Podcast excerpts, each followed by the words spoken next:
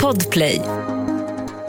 Du lyssnar på Politikrummet, Expressens podcast om svensk politik. Idag om Ulf Kristerssons kommande två veckor och om Centerpartiets något märkliga kravprofil, bland annat.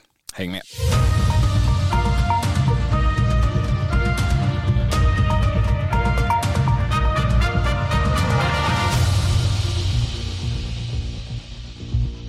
Det är onsdag den 28 september och eh, politikrummet sammanträder en dag försenat på grund av riksmötets öppnande igår på vår ordinarie tisdag. Här idag är i alla fall jag, Viktor Bartkron och du, Helena Gissén. Hej. Hej, hej, hej. Riksmötets öppnande igår, ja, det är det formella sättet att beskriva att riksdagen hade sin, eh, ja, vad ska vi kalla det? Ja, sin... Galainvigning Ja, precis. med lite mer modernt språkbruk. Det var mycket folk, god stämning och absolut ingenting hände. Nej, exakt. Det var ju pompa och ståt som det brukar heta den här dagen. Det säger Ja. alla Mm. medier som ska berätta om eh, riksdagens högtidliga öppnande. Det var fin musik. Så där får man inte säga har jag hört, för det Oj. slutade heta det på 70-talet, det, Jaha. riksdagens högtidliga öppnande. Ah, När vi på blev- 70-talet redan? Ja, när vi blev lite mer socialdemokratiska och mindre eh, någonting annat. Jag vet inte, det var stora diskussioner om det här tidigare Så idag. högtidliga ska bort med andra ord. Ja, det var, det var högtidligt men det heter inte så. Nej, jag ber om ursäkt. Mm, I alla fall, okej. mycket eh, sedvanligt konstiga folkdräkter.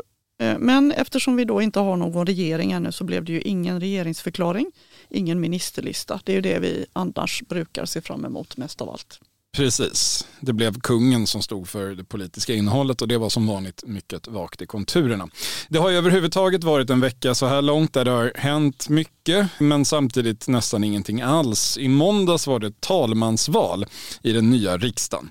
Vi trodde att det skulle bli en smidigare historia den här gången än de tidigare nu när vi faktiskt hade en majoritet som hade pratat ihop sig på förhand men det blev inte riktigt så enkelt som vi trodde. Nej, alltså det var väl kanske inte den bästa bilden av demokratin som spreds där. Det tog ju typ åtta timmar. Ja, till en början så var det väl ändå en ganska eh, fin stund för den institutionella demokratin. Det blev ju val genom acklamation för den moderata kandidaten Andreas Norlén som talman. Hyllningarna ville aldrig ta slut från alla möjliga sidor av blockgränsen. Nej. Var- Lite rörande nästan. Ja, särskilt för Andreas Norlén själv tror jag.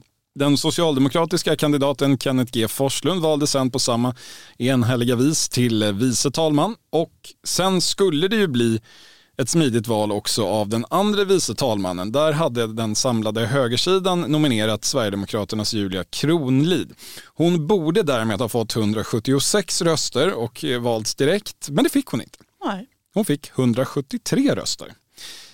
Tre ledamöter, minst, eh, röstade alltså inte enligt partilinjen. Vilket ledde till att eh, det krävdes en eh, ytterligare valomgång. Där fick Julia Kronlid 174 röster. Då hade två ändrat sig, för det var nämligen så att då frånvarade en moderat också. Alltså det räckte ju. Ja, det räckte ju. Men då är ju frågan som dröjde sig kvar var ju vilka var de här ledamöterna som röstade fel eller röstade i protest? Det vet vi inte. Nej, ingen vet och ingen kommer få veta. Nej, eh, det, direkt tänkte ju de flesta som följde detta att det var då eh, SD-kritiska eh, liberaler som hade idkat någon form av protest så fort tillfälle gavs.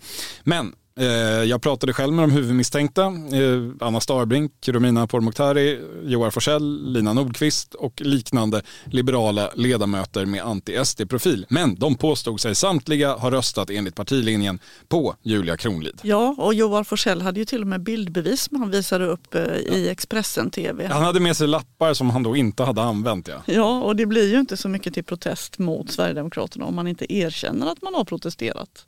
Nej, det blir lite meningslöst. Eh, men den teori jag då hörde från det liberala hållet var ju då att det här skulle istället handla om en eh, false flag-operation eh, från Sverigedemokraterna.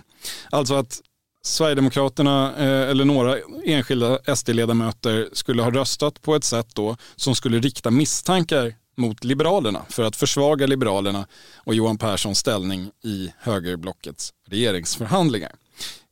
Det är ett motiv. Ja, precis de spekulationerna som blev till en början. Men det lyckades ju Liberalerna ändå faktiskt eh, avfärda ganska snabbt. Sen var det ju rätt många som spekulerade att det kunde vara Björn Söder och några av hans förtrogna. Han var ju ganska rejält sur när hans parti förde fram, inte honom utan Julia Kronlid och till vår kollega Daniel Ingmo då, eh, så sa han att han hade skarpa synpunkter på hur partiet hade hanterat detta. Jag pratade faktiskt med personer i den sverigedemokratiska riksdagsgruppen som avfärdade det där med att ja, men det sitter två sverigedemokrater då placerade i kammaren precis bakom Björn Söder så de borde ha sett om Björn Söder röstade mot eh, partilinjen. Det här, att man ens hade reflekterat över det säger väl något om den, den förtroendenivån eh, internt i det partiet tänkte jag kanske.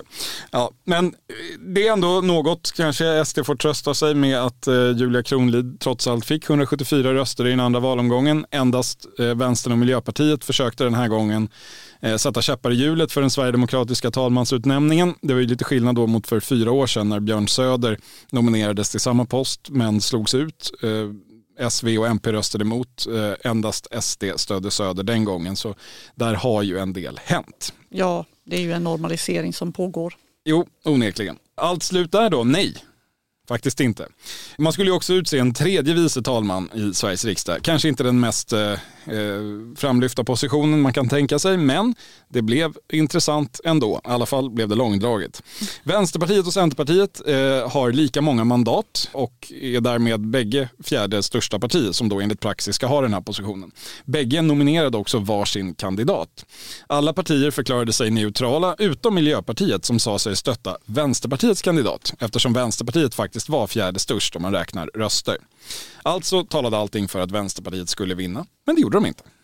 Efter flera omröstningar stod det klart att Kerstin Lundgren, Centerpartiet, hade tagit hem denna trofé som tredje vice talman. Och vem var då orsak till detta? Enligt efterforskningar från Sveriges Radios Ekot så ska det här handla om sverigedemokratiska ledamöter som röstat på Centerpartiets kandidat i den hemliga omröstningen. Och det skulle då vara en hämnd för att Vänsterpartiet röstade på Miljöpartiets kandidat mot Julia Kronlid då bland annat.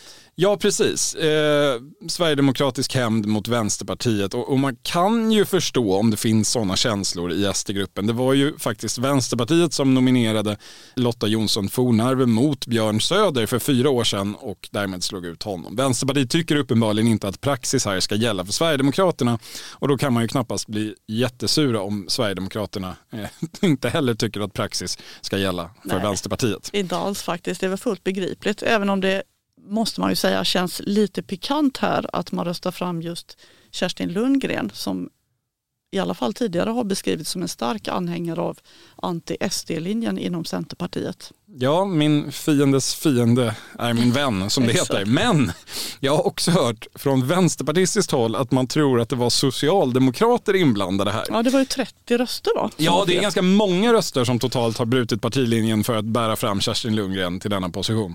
Och motivet till att socialdemokrater skulle ha gått in här på Centerpartiets sida ska ju då vara att Socialdemokraterna vill hålla Centerpartiet på gott humör och det ska vi återkomma till senare.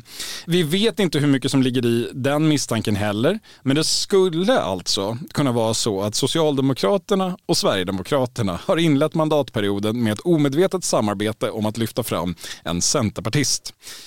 Den starten på mandatperioden såg man inte riktigt komma. Fast det är ju jätteintressant alltså. Det, jag undrar vad man ska dra för slutsatser av detta. Måste man inte av allt detta ändå tänka att det är dags nu kanske att göra talmansvalen öppna. Det skrev ju du i en krönika va? Ja, det är ju lite svårt att förstå varför vi ska behöva ha det på det här viset med den här märkliga urnan och de här lapparna och de eviga omröstningarna. Eh, det är ändå ett folkvalt parlament. Eh, de är där för att representera oss. Vi vet ju i alla andra sammanhang hur de röstar och det är väl rimligt att vi gör det, så varför inte här också? Eh, jag tycker vi kan ta med oss det till nästa grundlagsutredning eller vad som nu krävs. Det gör vi. Bra. Vidare, vi släpper det här talmansvalet för nu är det trots allt över. Eh, det är fyra år till nästa eh, elände höll jag på att säga. Idag, onsdag, så träffade Ulf Kristersson den omvalde talmannen Andreas Norlén för att eh, diskutera den pågående regeringsbildningen. Utfallet, Kristerssons önskemål var att få två veckor till för sina sonderingar och det fick han. Ja, och där har meningarna då idag gått isär. Är det här väldigt lång tid, är det väldigt utdraget eller är det tvärtom en smidig historia. Ja, jag tycker inte alls att det är lång tid personligen. Jag tycker allt känns extremt effektivt i relation till hur det var sist. Men man kanske inte ska jämföra med det. Det lilla, lilla, lilla man hör från de som förhandlar nu det är ju att de har så fruktansvärt mycket som ska avhandlas. Det är så mycket som ska komma på pränt och att det faktiskt är en del av förklaringen till att det tar lite tid. Alltså att det är inte bara att de måste komma överens i frågor där de har meningsskiljaktigheter och sådär utan att det, faktiskt, att det faktiskt helt enkelt är mycket att göra. Mm. Alltså, man ska väl säga till, till den, den förra regeringsbildningens försvar, eller hur man nu ska säga, eh, så tog väl själva förhandlingarna i, för januariavtalet bara omkring en tio dagar ja, om jag minns rätt, av 134. De andra 124 handlade om att vänta på att Centerpartiet och Liberalerna skulle bestämma sig för vem de skulle förhandla med. Ja. Å andra sidan har vi ju ett grannland som Tyskland där det är fullständig standard att en regeringsförhandling tar en tre, fyra månader. Ingen tycker att det är konstigt. Men vi har ju ett omvärldsläge som ökar pressen på ett resultat. Vi har den ekonomiska situationen, vi har en skenande inflation, eh, vi har energikris i Europa, vi har mobilisering i Ryssland, krig i Ukraina, hot om kärnvapenanvändning och häromdagen var det någon som sprängde Nord Stream i Östersjön söder om Blekinge. Ja, det saknas inte problem, utmaningar. Nej, inte direkt. Vår kollega Thomas Nordenskjöld pratade om det här i politikrummet i förra veckan. Ehm, och jag delar hans bild efter några dagars runtpratande i riksdagen att det här är på allvar, det tas också på allvar och det påverkar förhandlingarna. Ja, Thomas han frågade ju Ulf Kristersson på presskonferensen idag efter mötet med talmannen men han fick väl ett ganska vagt svar från ja, minst sagt. Då. Ja. Men det är klart att omvärldsläget pressar alla parter i de här förhandlingarna stenhårt egentligen. Alltså situationen är ju akut faktiskt på ganska många plan. Ja, och jag tänker att det kanske är Sverigedemokraterna ändå som påverkas mest här. Alltså det finns ju en slitning i Sverigedemokraterna. Den är skildrad både i, hos oss i Expressen och i eh, Svenska Dagbladet nu i dagarna. Det finns ju en vilja i partiet att vara radikal, att vara annorlunda man vill inte att den här regeringsbildningen egentligen ska gå så smidigt. Man vill markera sin särart, man vill bråka, man vill till och med kanske rösta rött en eller två gånger. Men det kanske inte riktigt finns utrymme för det nu. Nej. Det, det kanske inte riktigt finns utrymme för det här, och hepp hepp. Man kan ju vända på det och säga att Sverigedemokraterna här och nu får en helt unik chans att inte bara ta steget in som maktparti Eh, utan dessutom kliva direkt in i rollen som ett ansvarsbärande storparti i en väldigt kritisk situation för mm. landet. Men det ställer rätt höga krav på dem. Ja det gör ju det och alternativet, eller ett högst realistiskt alternativ är att det inte blir något av det. Utan att man tvärtom eh, ja, stojar till det och så blir det någonting helt annat. För man kan ju i sammanhanget notera man kan tillmäta det den trovärdighet man vill, men man kan notera att förutsättningarna för Moderaterna och Socialdemokraterna att hitta något slags eh, samverkan knappast kunde ha varit bättre heller just precis nu. Valrörelsen är slut, det är fyra år till nästa. Båda har också kommit ganska väl ut ur valrörelsen. Moderaternas sida vann valet, Socialdemokraterna stärktes för egen del och har ledarskapet intakt. Så är det någon gång de ska prata med varandra och använda sin samlade styrka, sina 175, notera, mandat, mm. Eh, för att sätta press på andra om inte annat. Så ja. är det kanske just nu. Alltså man hör ju rätt många som efterlyser en sån lösning. Ute bland folk och sådär så frågar många vad är det som gör att inte dessa två partier kan gå samman. Det verkar finnas en längtan efter det på något sätt. Men man undrar ju bara hur den lösningen i så fall ska se ut. Alltså ska det då vem ska vara statsminister i en sån stor koalition? Jag tror absolut inte att man ska utesluta att det landar här därför att läget är ju verkligen kritiskt. Vi vet inte vad det tar vägen det här med sabotaget mot gasledningen och så vidare. Men jag tror att det förutsätter eh, att något ännu mer allvarligt händer. Ulf Kristersson avfärdade den här tanken på eh, en S och M-koalition ganska tydligt inför valet. Men vi följer utvecklingen. Vi brukar göra det. Det eh, lär inte vara sista ordet som är sagt kring hur eh, läget ska hanteras. Nej.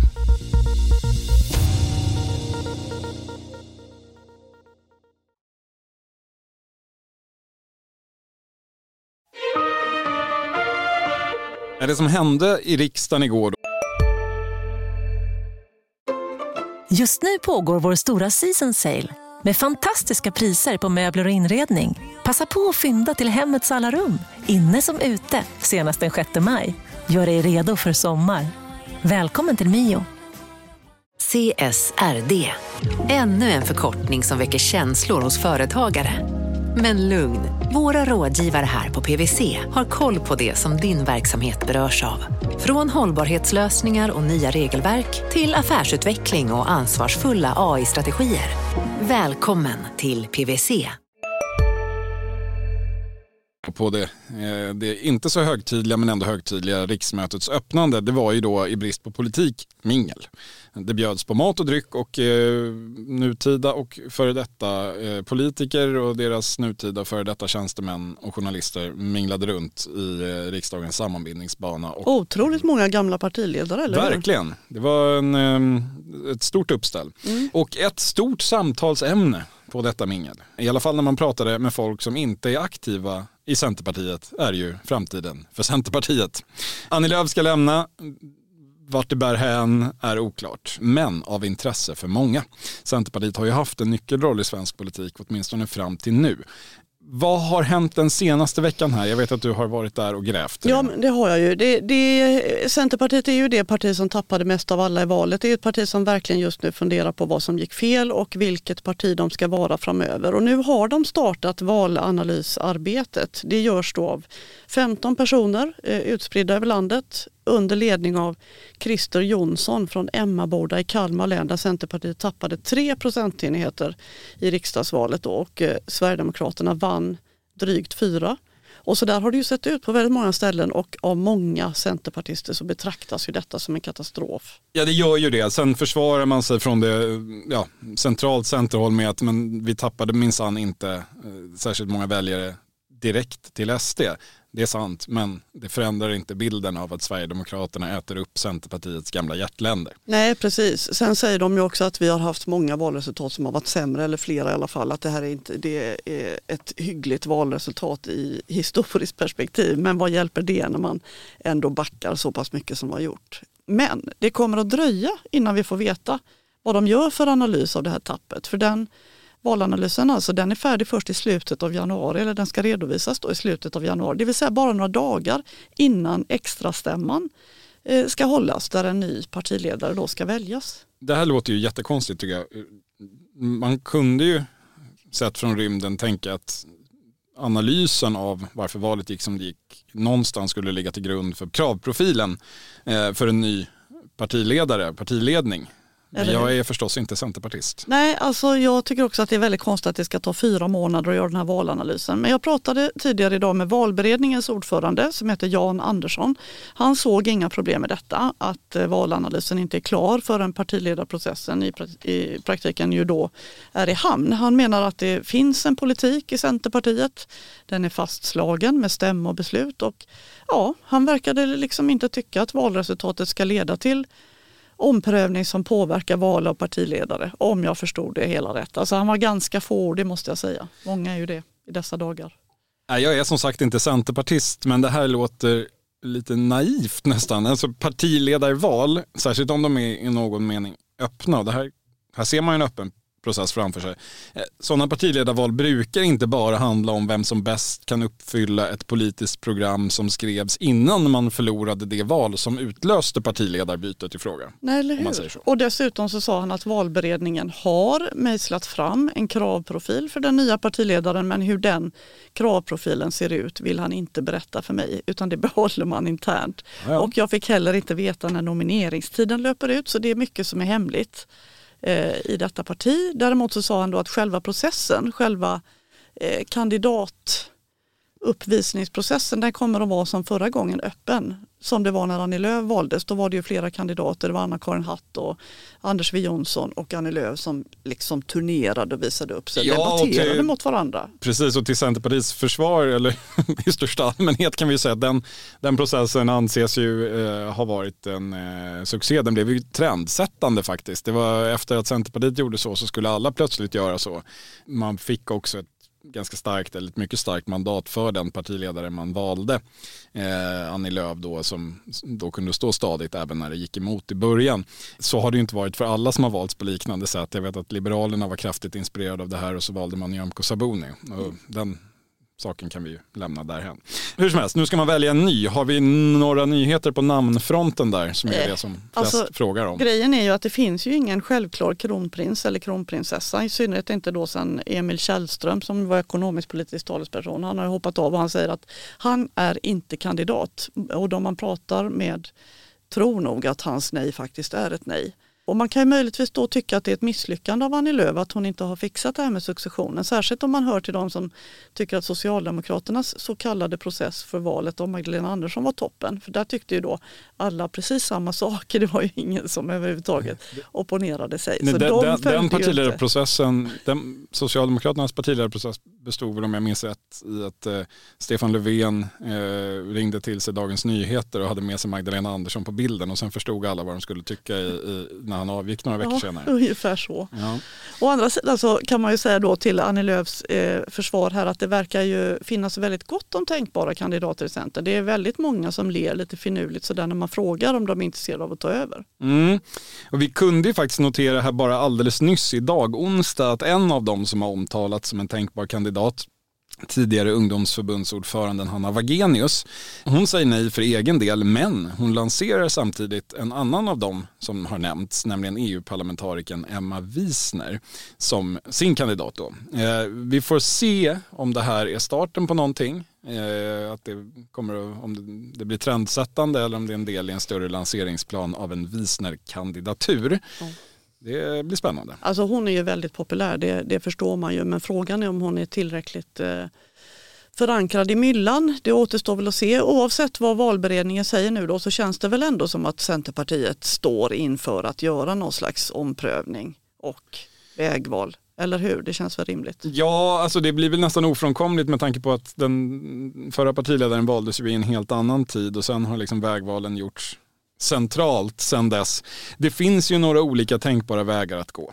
Ja, det finns eh, tre spår skulle man väl säga. Ett är att fortsätta då på Annie Lööfs linje, det vill säga säga absolut nej till allt samarbete som ger inflytande åt Sverigedemokraterna och istället förorda vänstersamarbete där man i så fall försöker blockera på något sätt, oklart hur, även Vänsterpartiet så mycket som möjligt.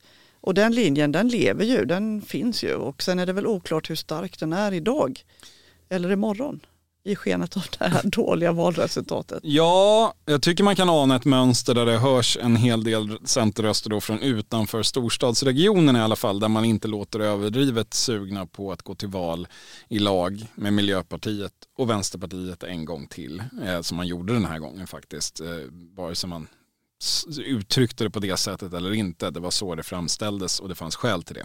Och det blir ju följden även 2026, eh, vare sig man vill det eller inte, om Annie Lööfs linje ska leva vidare fullt ut. Ja, och en annan linje det är det som vissa kallar då för SUF-linjen, det vill säga att man går tillbaka ett steg åt höger till ett slags mittenposition där man förordar uppgörelser mellan sex partier i den så kallade breda mitten, det vill säga alla utom Sverigedemokraterna och Vänsterpartiet. Man är i grunden borgerlig, man vill egentligen ha en alliansregering. Man samarbetar gärna då åt höger, bara inte Sverigedemokraterna finns i närheten. Ja, och det här har ju visat sig vara en eh, helt omöjlig position, eh, dokumenterat på längden, bredden och tvären. Det var ju den här positionen som Centerpartiet gick in med i eh, eftervalsspelet för fyra år sedan, att man ville ha en alliansregering som samarbetade över blockgränsen. Men den eh, tvingades man ge upp. Socialdemokraterna vill inte acceptera någon stödpartiroll. Eh, Miljöpartiet var för litet, Alliansen var för liten, Moderaterna eh, ville heller inte eh, ha någon form av supersamlingsregering i mitten. Det här är ju en bekväm position dock i, internt i Centerpartiet men har det ju visat sig bara möjlig för ett ungdomsförbund Ja. och inte för ett riktigt parti.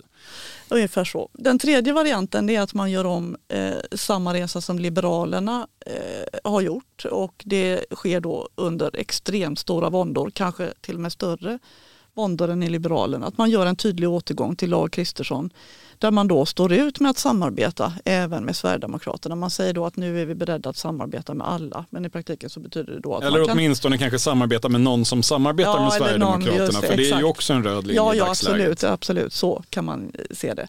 Men detta är ju då den linje som dissidenterna Helena Lindahl i riksdagen och Helena Lundgren i Vinden förordar och de har ju även fler med sig. Intressant i det här sammanhanget tycker jag är att eh, Daniel Bäckström som är vald till gruppledare nu från Säffle Mm.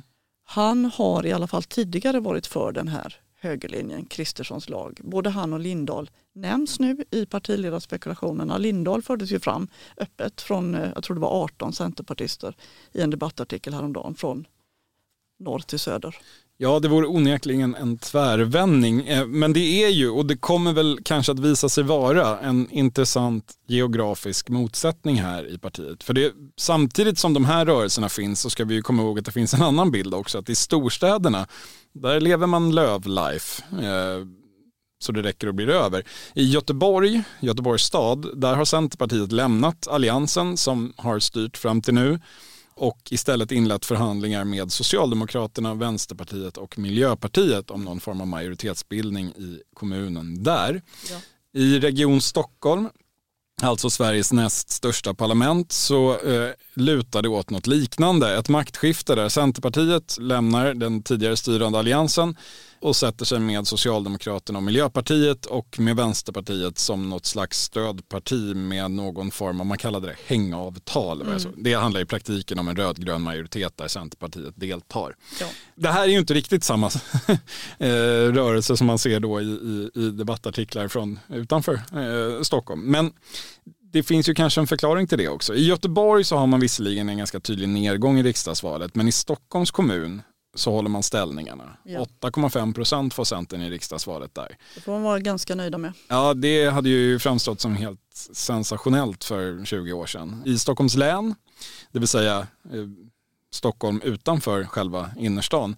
Där är man också starkare än i riket i stort. Man får sju, eh, nästan 7,5 procent där. Tappar betydligt mindre än på många andra håll i landet och här bor det ju väldigt många väljare. Och det här är idag en stor och viktig del av Centerpartiet. Kanske inte så mycket på stämman men i växande grad i medlemsbasen och framförallt i vallokalerna. Absolut, så man måste ju vara rädd om dessa. Ja, alltså hur de här delarna av Centerpartiets koalition, då, väljarkoalition, skulle reagera på ett rakt spårbyte, ja till Kristersson och Sverigedemokraterna, det kan man bara spekulera i. Men en kvalificerad gissning är ju att man skulle behöva ta tillbaka väldigt mycket mark ute i landet för att kompensera för förlusterna i Storstockholm där alltså bor nästan 2,5 miljoner invånare som till högre grad än riket i stort röstar på Centern. Lite granna talar detta kanske för det som vi har varit inne på som jag har skrivit om också att, eh, och som jag hör en del människor spekulera i att det kanske blir någon slags mellanlösning att man hittar en partiledare som får kämpa med den här orienteringen om det nu blir en omorientering och ändå försöka hålla de väljare man har på gott humör. Jag, man kan ju bara säga att jag är ju inte avundsjuk på den som ska försöka få ihop de här delarna. Det känns ju väldigt mycket som Liberalerna i repris, fast tvärtom. Ja, eh, det, det, gör ju det. Det, det är inte helt, alltså, det, det, det är återigen, som så många gånger de senaste fyra åren, svårt att inte slås av tanken att hur mycket enklare allt hade varit om de i Liberalerna och Centern som ville det ena kunde göra gemensam sak och de i Liberalerna och Centern som ville det andra kunde göra gemensam sak. Ja, så kunde man samlas ja. i varsitt parti. Ja, men så enkelt ska vi inte ha det och därför blir det väldigt intressant fortsättningsvis också. Vi kanske ändå ska förklara lite mer varför vi är så intresserade av det här relativt lilla partiet som inte ser ut att ha något direkt inflytande i svensk nationell politik de kommande fyra åren.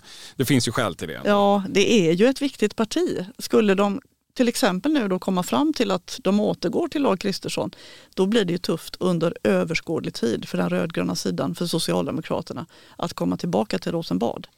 Så jag tror att Socialdemokraterna nu kommer att göra allt de kan för att förhindra en sån högersväng i Centerpartiet. Ja, det blir intressant att se vilka metoder som kan komma i bruk då. Vi gläds hur som helst av professionellt egoistiska skäl åt att man har valt en riktigt utdragen process i den centerpartistiska partiledarfrågan. Ja, det är härligt. Ja, det kommer finnas foder för nästan ett halvårs avsnitt här i politikrummet. Ja, det är mycket vänligt av dem. Ja. Missa inte de avsnitten. Härnäst tillbaka på ordinarie tid, tisdag i nästa vecka. Väl mött då. Tack för idag Helena Isén. Tack själv. Och tack till er som har lyssnat. Ha en bra vecka. Hej hej.